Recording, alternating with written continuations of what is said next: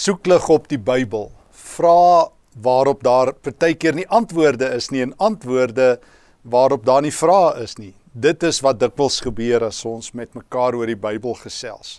Maar kom ons praat weer vandag verder oor 'n klompie dinge wat jy dalk van die Bybel geweet het, maar vergeet het of dalk nog nie van gehoor het nie. En ek gaan sommer so saam met jou reis deur 'n klompie dinge soos wat dit by my opkom. Kom ons begin net weer by die begin. Die Bybel soos wat ons dit het in ons protestantse kanon het in die Ou Testament 39 boeke en 27 in die Nuwe Testament. En die Ou Testament is oorwegend in Hebreëus geskrywe, hier en daar 'n stukkie in Aramees, een vers in Jeremia hoofstuk 10, 'n paar stukkies in Daniël ensovoorts en die Nuwe Testament is in Grieks geskrywe. Nou is dit so dat baie mense daarvan hou om God se name in die Ou Testament in Hebreëus aan te haal. Uh, God se groot name in Hebreëus in die Ou Testament is veral die name Elohim, El, Adonai en dan die grootste naam van die Here, die heiligste naam vir alle Israeliete en alle Jode tot vandag toe, die naam Jahwe. Nou as jy so 'n bietjie rondom jou gekyk het en jy het al die uh, Jehovah getuies raak geloop. Hulle praat van Jehovah. En die ou King James het dit ook so vertaal. Die naam Jahwe het uitgekom as Jehovah.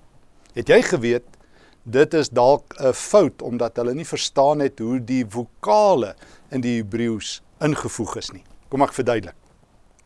Hebreëus is eintlik net konsonante. Tot vandag toe as jy in Israel loop en jy lees 'n koerant in moderne Hebreëus, sal dit net konsonante hê. Maar die Jode deur die eeue het ook gesukkel om die vokale te verstaan en toe is die Hebreëse teks van die Bybel, die sogenaamde Masorete teks, uiteindelik gewokaliseer. A E I O en U, die vokale soos ons dit ken. En dit is gedoen by wyse van kolletjies. Ek kan dit nou nie anders te beskryf nie wat onder en bokant die Hebreëse letters geplaas is. O ja, en mens lees natuurlik ook Hebreëus van regs na links nie soos wat ons lees van links na regs nie. En omdat die Jode geweet het jy mag nooit die verbondsnaam wat die Hebreëse eh, konsonant het J H W H Jahwe mag jy nooit uitspreek nie. Het hulle dit gewokaliseer, vokale ingesit vir Adonai. So wanneer die Hebreërs uh die Hebreëse Ou Testament lees met vokale, en hulle kom by die verbondsnaam Jahwe, dan staan daar letterlik Adonai. En baie Engelssprekendes wat Hebreëus leer ken het, het dit nie verstaan nie en daarom het hulle dit gelees Jehovah. Adonai, jy hoor die klank. So dis eintlik 'n 'n fout omdat die naam van die Here Jahwe nie uitgespreek kan word nie. God maak hom op hierdie manier bekend by aan Moses in Eksodus as Moses die Here se naam wil weet. Want in die antieke wêreld, eh, in die ou ooste en later die Grieks Romeinse wêreld, as jy 'n God se naam geken het, het jy eintlik beheer oor daardie God op 'n sekere manier gehad. En dan sê God vir hom, ek is wie ek is. 'n Jy, 'n Sher, 'n Jy in Hebreëus. Ehm die groot God, die verbondsgod, Jahwe. Dit is sy naam. Dit word ook teruggebruik na Genesis toe daarvan gepraat, het jy geweet Genesis 1 en Genesis 2 het twee verskillende skepingsverhale. Ons almal word eintlik net groot en het groot geword op Genesis 1 vers 1 tot 2 vers 4a. Die skepping in die 6 dae en die 7de dag rus. Maar baie doelbewus, intentioneel het uh, die samesteller, die finale samesteller van die Genesis boek uh, Genesis 2 vers 4b tot 25 so in jukstap posisie teen dit gesit met 'n totaal ander volgorde en 'n totaal ander skepingsverhaal. Uh in die tweede skepingsverhaal is die mens geskep en later word die vrou geskep en die plante word geskep en in Genesis 1 word die naam van die Here Elohim gebruik en in Genesis 2 Jahwe. So Doelbewus wil die skrywers en wil God deur Genesis ons nie uh dwing om net een skepingsverhaal te glo nie, maar om wyd en oop oor God se skepping te dink. Ja, hy het geskep, maar nee, moet dit nie as 'n wetenskaplike handboek probeer gebruik om te bewys hoe oud is die aarde en hoe lyk die wêreld in 'n wetenskaplike laboratorium nie. Ek dink nog altyd dit is deel van God se kan ek dit maar sê humor om hierdie twee skepingsverhale wat verskillend is langs mekaar te sit, maar albei erken hy is die skepper. Ons is nie 'n produk van die noodlot nie. Maar ons is besig om 'n paar het jy geweet vra rondom veral God se naam en hoe God homself bekendstel met mekaar hier aan die begin te deel. Het jy byvoorbeeld geweet dat God se naam nooit voorkom in twee Bybelboeke nie? Ek wonder of jy weet watter twee. Daar's twee Bybelboeke in die Bybel opgeneem wat glad nie na God verwys nie. Regtig. Hier's die eerste een. Ester. In die boek Ester is daar geen verwysing na die naam van God in die Hebreëse teks nie. Tweede boek, Hooglied, bekend in Hebreëus as Shir HaShirim. Hoekom is hierdie twee boeke dan in die Bybel? Sou jy vra. Dit verwys dan nie na God nie. Ja wel, ek dink die boek Ester wil juis vir ons vertel hoe God tussen die lyne werk. Hoe hy hierdie vrou Ester se skoonheid gebruik, hoe hy die koning ehm um, swaai deur haar hoe die Jode gered word en waarskynlik dan die Purimfees, een van die groot feeste van Israel, wat die rede is hoekom die Israeliete gesê het hierdie boek hoort in die kanon. Ek dink met Hooglied het God weer so 'n stukkie humor gehad. Dit het die kanon gehaal waarskynlik omdat baie rabbies gesê het um, Salomo is die skrywer en hy is daarom 'n reuse koning in Israel, die seun van Dawid en omdat baie mense, die vroeë Christene in Kluis, dit gelees het as 'n soort allegorie.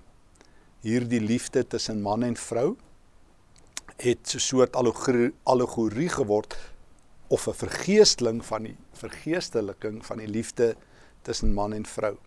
Maar tog interessant dat God nêrens eksplisiet genoem word in hierdie twee Bybelboeke nie van name van God gepraat. Ons het nou so bietjie na die Hebreëse kant gekyk. Kom ons spring gou oor na die Nuwe Testamentiese kant toe. Vraag: Wat is Jesus se gunsteling naam vir homself? Ek wonder of jy weet. Ja, as jy gesê het seun van die mens, is jy 100% reg. 32 keer gebruik Matteus dit dat Jesus die seun van die mens is as ek reg onthou 26 keer by Lukas, 14 keer by Markus, 10 keer by Johannes en in die res van die Nuwe Testament net 5 keer. Dit is Jesus se gunsteling term titel vir homself. Waar kry hy dit? O, verseker, dit kom ook in die Ou Testament voor. By die profeet Jesegiel praat God gereeld met Jesegiel as seun van die mens. Dis God se aanspreekvorm vir sy profeet Esegiel. Seun van die mens gaan sê vir hulle, gaan doen dit, gaan doen dit. Maar ons dink dit is veral die boek Daniël, Daniël 7 daar by vers 11 en verder waar ons hoor dat daar iemand soos die seun van die mens ook by die wederkoms of by die dag van die Here opdaag. Hoe gebruik Jesus dit? Wel, hy gebruik dit op 'n paar baie definitiewe maniere. Hy gebruik dit om te om homself te beskryf uh as die een met 'n baie nederige bestaan. Onthou jy Matteus 8? Jesus sal byvoorbeeld sê 'n uh, jakkalse het gate en die um, of en die voëls van die hemel het neste, maar die seun van die mens het nie eers 'n slaapplek vir sy kop nie, asembehalwe op klippe. So Jesus gebruik hierdie term om sy nederige aardse bestaan onder andere mee te verduidelik. Hy gebruik dit om homself net bekend te stel. Ons hoor dikwels dat hy die seun van die mens is wat um, gesond maak, wat duiwels uitdryf, wat net aanwesig is. Maar ons hoor ook dat dat die seun van die mens kom lei. 3 keer daarvan af Markus 8. Jy sal onthou as Petrus bely daarvan af vers 27 af dat Jesus die Christus is. Begin Jesus ewe skielik praat 3 keer. Markus 8 daar vers 3 4 35 36 en weer 'n keer Markus 9 en weer 'n keer Markus 10 dat die seun van die mens kom lei. En totdat jy nie verstaan wie die seun van die mens is nie, kan jy Jesus nie volg nie. Want hier's nog iets wat jy dalk uh, al raak gelees het en nie weet nie. In die Markus Evangelie met name waarna ek nou verwys. Is daar gereeld hierdie gebod dat mense nie mag praat oor Jesus nie. Hy genees iemand dan sê hy bly stil. Moet vir niemand sê nie. Hy sê dit vir sy disippels, hy sê dit vir die duiwels, hy sê dit vir mense wat hy genees. Hoekom? En die antwoord lyk vir my lê daar in Markus 9 rond. Wanneer Jesus daar op die berg van verheerliking is en hy kom af. Uh en dan sê hy vir sy disippels moenie praat totdat die seun van die mense die dood opgestaan het nie. Jesus wil nie hê mense en duiwels en wie ook al moet hom bekend maak net as 'n wonderwerker nie. Totdat jy nie verstaan hy is die seun van die mens wat kom lei nie. Soos wat hy sê in Matteus 12 en in Lukas 11 As die mense 'n teken van hom kom vra, dan sê hy die enigste teken wat ek julle ouens sal gee, is die teken van Jona. Soos wat Jona 3 dae in die vis was, so gaan die seun van die mens in die dood wees. So Jesus gebruik seun van die mens om na sy aardse bestaan te verwys, na sy lyding, maar ook na sy ewige heerlikheid wat by die wederkoms sigbaar is. Onthou jy daar in Markus 14 staan Jesus vir die hoofpriester. Dan vra die hoofpriester vir hom nou is jy nou die seun of van hom aan wie die heerlikheid behoort. Dan sê Jesus, jy sal die seun van die mens op die wolke sien kom. So dit is die seun van die mens wat ook op die dag van die Here met heerlikheid kom. Dit bly vir my boeiend interessant dat mense die Hebreëse name van God ken, maar dat ons nie weet wat is Jesus se grootste naam vir homself. O ja, en sy grootste naam vir sy Vader nie. Ek dink die Nuwe Testament, hou jou stoel vas, het 'n nuwe naam vir God. En dit mis ons baie. Het jy geweet 121 keer dit kan 122 wees volgens sommige teoloë in die Johannes Evangelie noem Jesus vir God Vader my Vader, die Vader. 121 22 kere. En die naam God, Theos, kom net so 83 keer voor in die Johannes Evangelie. So wanneer Jesus kom om God bekend te maak. En as jy nou die Johannes Evangelie goed ken, onthou jy mos, dit is die woord wat mens word. En hy kom openbaar sy heerlikheid. Maar ek hoor ook daar in Johannes 5 byvoorbeeld, hy is die gestuurde van sy Vader. En dit wat hy by sy Vader geleer het, kom maak hy in ons bekend. Deesdae sê mense nou baie, ja, die Bybel is metafories. En dit is so. Ons kan nie anderster uh, oor God praat as by wyse van beelde nie. Hy's ons rots. Jesus sê hy's die lig, hy's die brood, hy's die goeie herder. Maar jy moet ook onthou, wanneer ek so oor God praat, moet dit eg wees. So daar moet 'n punt van waarheid daarin wees. So wanneer Jesus sê die Vader, is hy nie maar net besig om so half so half vaag weg oor God te praat nie. Dan sê Jesus dit is wie God is. Dit is sy karakter. So 'n 'n metafoor werk analogies. Dit vergelyk God met 'n Vader. Maar dit is ook nou 'n groot woord ontologies. Kan ek verduidelik? Dit is God se wese. Hy is Vader. Nooit sê die Bybel of Johannes dat uh God 'n sy is nie. Nee, die Bybel dink nie geslagtelik oor God nie. Um in die begin het hy man en vrou geskep. En daar is ook vroulike beelde. Ons hoor by Jesaja God is in barensnood oor sy uh volk. En ons hoor Jesus praat dat hy soos 'n hen haar kuikens die volk wou bymekaar maak, die mense van Jerusalem. Maar wanneer oor God se wese gepraat word, is hy 'n Vader, is hy Vader. Dit word sy naam, sy titel, sy wese. So, wat sê ons vir mekaar? God se Hebreëse name. Ehm um, die grootste daarvan is die naam ehm um, Jahwe, die verbondsnaam. Dis 'n heilige naam, dis baie heilig. Die Jode wou dit nie uitspreek nie. In die Nuwe Testament uh, is die groot naam wat Jesus vir homself gebruik, seun van die mens en die groot naam hoe hy oor God praat is Vader. En dan het jy geweet wanneer Jesus in Getsemane is. Markus 14 noem hy hom nog meer intiem. Onthou jy? Abba Vader. Die mees intieme aanspreekvorm vir God. Paulus gebruik dit twee keer ook in Romeine 8 en in Galasiërs 4. Gebruik hy ook hierdie woord Abba Vader. Nou Abba is 'n Arameese woord. Dit kom eintlik van as mens 'n uh, uh, onderdaan is en jy het 'n goeie koning of jy's 'n disipel en jy het 'n goeie leermeester dan spreek jy hulle aan letterlik in Aramees as Avi, my vader. Party mense en dit is nogal foutiewelik in die kerk ingedra deur 'n Duitse Nuwe Testamentikus Joachim Jeremias wat gesê dit is eintlik pappa.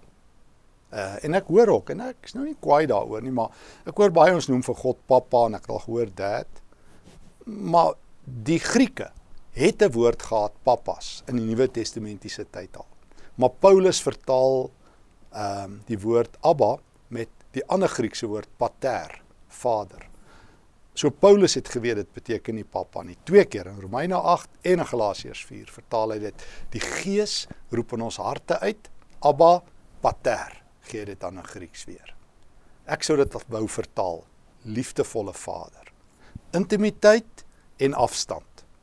Ek is nooit familier met God nie. Ek is nooit so naby dat ek hand om die lyf is nie. Die Nuwe Testament en die Ou Testament leer my ek buig voor hierdie heilige naam. Wanneer Jode die naam Jahwe gebruik het, en tegnies mag hulle dit net een keer per jaar gebruik het. En dit is op die groot versoendag, Levitikus 16. Het hulle neergeval. So ons ry so 'n stukkie saam oor God se naam. En van Jesus gepraat. Baie mense dink Jesus was in die Ou Testament die engel van die Here. Jy het mos nou al gehoor van die engel van die Here in die Ou Testament. Sê nou maar in Rigter 6 verskyn die engel van die Here aan Gideon. En engele het mense se verbeelding nogal gemesmeriseer. Ek hoor baie keer hoe mense bid, Here sal U U engele opdrag gee om ons te beskerm. Ja, en daar is een of twee tekste in die Bybel wat dit sê, maar hulle is dun gesny. Het jy geweet daar's eintlik net twee of drie tekste wat dit sê? Die groot Psalm 91. En Jode het inderdaad geglo in die Ou Testament dat daar iets is soos beskermengele. Trouwens, wanneer Petrus daar in Handelinge 12 in die tronk is, onthou jy? Jakobus word vermoor die apostel en dan word Petrus met boeye vasgehou. Dan kom maar 'n engel en sluit hom oop en dan gaan hy daar na Rode se huis toe waar die vroeë kerk saam bid en hy klop aan die deur. Dis nogal mooi humoristies daai teks. En Rode hoor dit is Petrus en sy hart loop binne toe en sy sê vir die kerk: "Petrus is by die deur." Dan sê hulle: "Uh uh, nee nee nee nee. Ons geloof is nou nie so groot nie. Ons bid vir die man, maar ons kan nie dink hy kan nou hier staan nie." Sê hy, dan sê sy hy's hier, dan sê hulle letterlik jy's mal. En dan besluit die ouens daar binne dit is sy engel, sy angelos. Van die Jode het geglo mense te beskerm engel. Maar het ons en is Jesus die engel van die Here? Wel, nee. In die Ou Testament is daar altyd 'n duidelike onderskeid tussen engele en God, 'n radikale onderskeid. Hebreërs 1 maak dit glashelder dat Christus nie die hoofengel is nie, maar dat die engele hom ook aanbid. Dat Christus sy seun is. Hy so sê Hebreërs 1 vir ons. Nooit vir enige engel gesê, "U is my seun nie." Um u troon o God is tot in alle ewigheid nie. So Jesus is nooit in die Ou Testament die hoofengel nie. Um en en en en en wat van beskermengele? Wel die Ou Testament sorteer dit ook uit. Eksodus 33. Uh God is ontstel, hy's kwaad vir Israel. En hy sê vir Moses, ek gaan nie saam met julle trek nie. Ek gaan my engel stuur. Hy sal saam met julle trek. Amper, amper stamper roep Moses die eerste staatsgreep uit. Of, of die eerste betoging uit of die eerste maar ernstig Moses sê net vir die Here, ons kan nie sonder u trek nie. Ons wil nie u engel hê nie. Ons u moet saam met ons gaan. Ons is die volk van die Here, nie die volk van die engel van die Here nie. So in die Ou Testament um, is God se engele daar om hom te dien. Maar nou wat van beskermengele? Jy jy onthou dan daai een teks ten minste Psalm 91. Ek sal my engele opdrag gee en hulle sal jou beskerm. Ja, maar jy moet Psalm 91 reg lees. Dit is die Here wat ons beskerm. Ek sal die skade weer by jou wees. Ek sal keer dat die pes nie kom nie. En in die Nuwe Testament is daar nie 'n enkele teks wat sê God sal engele stuur om ons te beskerm nie. Trouwens, ek kry 'n bietjie skaam dat mense dit dink. Wie is by ons al die dae? Engele? Nee, Christus. Onthou jy Matteus 28 vers 20? Ek is by julle al die dae tot aan die einde van die wêreld. Wie sal by ons wees om ons in die volle waarheid te lei? Engele? Nee, die Heilige Gees. So toe ek eendag nou vir mense by 'n plek waar ek oor engele moes praat, dit sê toe sê 'n vrou, "Ja, maar sy glo nog steeds sy sy engele beskerm haar." Toe sê ek, "Mevrou, ek verdedig nie die Nuwe Testament teen engele nie. En as ek moet kies tussen 'n engel en die lewende God, wil jy vir my ernstig sê jy vat 'n engel?" Maar dis maar bietjie Hollywood en New Age en al daai dinge met al hulle soorte engele wat ons koppe bietjie gesmokkel het. O, wat doen engele dan? Hulle is God se dienswerkers, Hebreërs 1. Hulle is God se weermag. Engele daag op om vir die vroeë kerk boodskappe te gee. Dis 'n engel wat vir Filippus in Handelinge 8 kom haal om hom daar na die Ethiopiese dienaar op die pad tussen Jerusalem en Gaza te vat. Dis 'n engel wat met 'n loper kom in Handelinge 12 van die tronk se deur oopsluit. Dit is engele wat aan Johannes boodskappe oordra. God se oordeelsboodskappe oor die wêreld uitvoer, die in Openbaring die wraakbakke op die aarde uitgooi. Uh vir Johannes ehm um, die visioene ook by geleentheid aandra. Engele is ook God se aanbidders. Ek lees in Openbaring 5 hoe hulle almal in die hemel daar is om God te aanbid. Ons moenie met hulle spot of met hulle karring nie. En van engele gepraat, Satan. Ja, het jy agtergekom Satan is 'n groot celebrity in die kerk. Hy haal meer aandag in 'n gemiddelde preek in Pretoria en elders as in die hele Ou Testament. Het jy geweet daar's net 4 verwysings na Satan in die Ou Testament? Die Satan. Regtig, net 4. Dis hoekom ek sê hy haal meer aandag in 'n gemiddelde Christelike gesprek. Mense weet meer van die duiwel af as wat die hele Ou Testament van hom al weet. Kom ek sê gou vir jou waar gaan jy daai vier verwysings kry? Job hoofstuk 1, Job hoofstuk 2, 1 Kronieke hoofstuk 21 en Sagaria hoofstuk 3. En dan sit fluit fluit die Satan se storie is uit. Ons lees van demone en geeste hier en daar en bose geeste. Maar Satan is nie so groot celebrity nie. En in die Nuwe Testament word daar baie meer oor hom gepraat. Sjoe, maar wanneer laas het jy gaan lees wat die Nuwe Testament oor die duiwel sê? Hy kom tweede en derde en laaste al die pad teen Jesus, teen sy engele. So Satan, nou waar kom hy vandaan? Ons weet nie. Het jy geweet dat die naam Lucifer wat daarin ehm um, um, Jesaja 14 vers 12 voorkom? Ehm um, wat dikwels in die vroeë Christendom gebruik is as 'n verwysing na Satan, waar ons hoor van hierdie ster wat geval het. Die en dan word dit vertaal in Latyn met Lucifer. En ons hoor ook in Openbaring 9 vers 1 van hierdie sataniese ster wat hier op die aarde inval, dan kom die rook so op. Baie mense sien dit as die val van die Satan uit die hemel. Maar tegnies verklaar die Bybel nie waar Satan vandaan kom nie buitebybelse dokumente doen dit. Het jy geweet daar word verwys na na 'n apokriewe geskrif in die Nuwe Testament? Kan jy onthou waar? Ja ja, die Judasbrief, daai kort briefie net voor die Openbaring boek vertel van een Henog. En die boek Henog verklaar in die lig van Genesis 6 eintlik waar die Satan vandaan kom.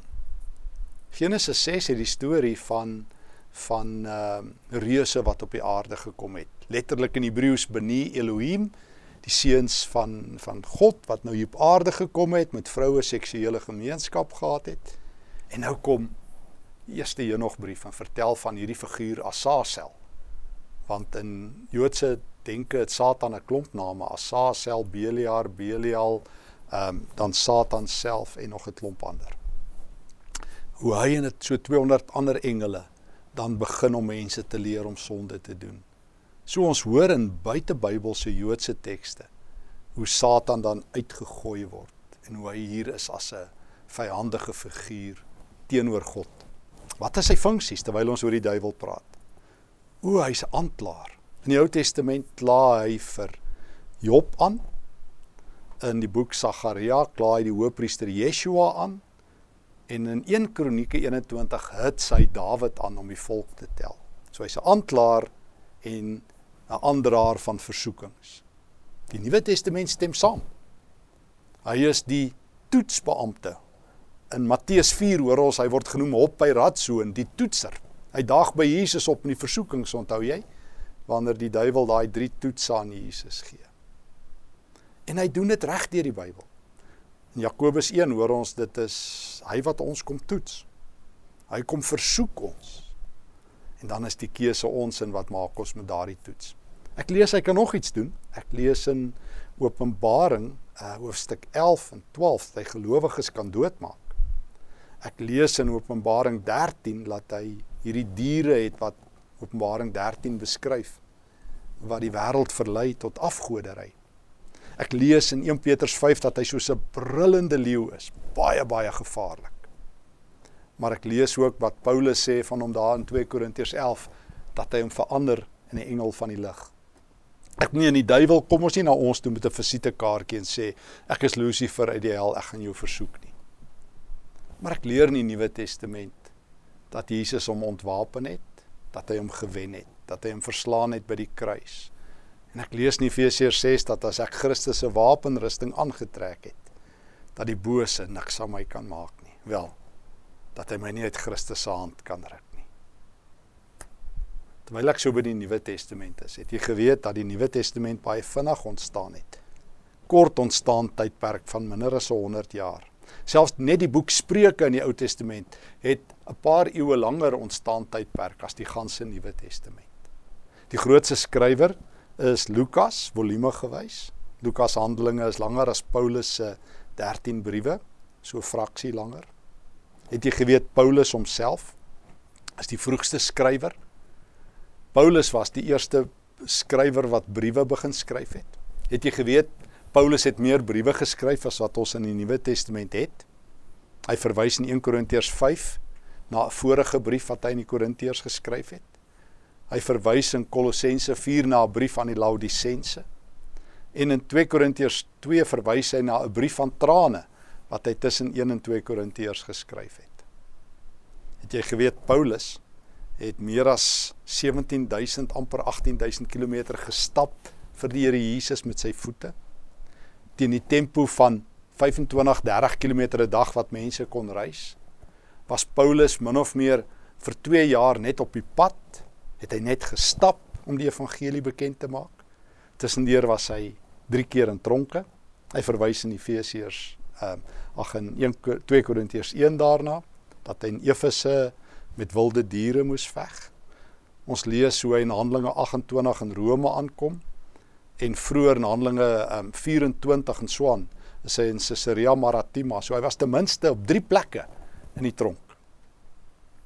En tog het die Here hierdie man gebruik om die evangelie wêreldwyd bekend te maak. Paulus die martelaar, die leidsman vir die Here Jesus. Het jy geweet dat ehm um, Paulus se briewe uh ook dan so vroeg vroeg deur die vroeë kerk versamel is en dat Paulus invloed gehad het op die belangrikste ander skrywers van die Nuwe Testament. Ons laaste stukkie feite wat ek met jou wil deel. Het jy geweet Markus was 'n metgesel van Paulus en Lukas? Wat die groot skrywers is van die evangelie. Ek lees dat Lukas in Handelinge 16 in die eerste persoon meervoud van ons praat. Hy was saam met Paulus op van sy sendingreise, ook sy Jerusalem toe gaan. Het jy geweet dat in Kolossense 4 en Lukas en Markus by die naam genoem word? Het jy geweet dat kort voor Paulus se dood in 2 Timoteus hoofstuk 4 hy vir Markus uh, na hom toe laat kom het en Timoteus. So hier is die ding. Paulus, die skrywer, het 'n groot invloed uitgeoefen op die ander skrywers van die Nuwe Testament. 1 Petrus se taal is die van van Paulus want hulle dieselfde skrywer gebruik, Silwanus. Want uiteindelik is Paulus se hande so baie geslaan en gebreek dat hy 'n skrywer moes gebruik. Hy sê dit ook hier en daar in sy briewe soos in die Filemonbrief. Kyk met watter groot letters skryf ek. Omdat ehm um, sy vingers later gebreek was, het hy vir Silwanus gebruik en ek sien ook vir Silwanus wat 1 Petrus 5 skryf. Sjoe, ons is deur ons groot reis. Ons um, het vandag sommer 'n klomp dinge aangeraak. Maar boal die misterie, die wonder van hierdie boek is dat dit die woord van die lewende God is. En na alles wat ek gesê het, bely ek dit is die woord van God en net die Heilige Gees kan hierdie woord lewendig maak. Mag jy ook in die woord van die Here jou vreugde en jou krag beleef.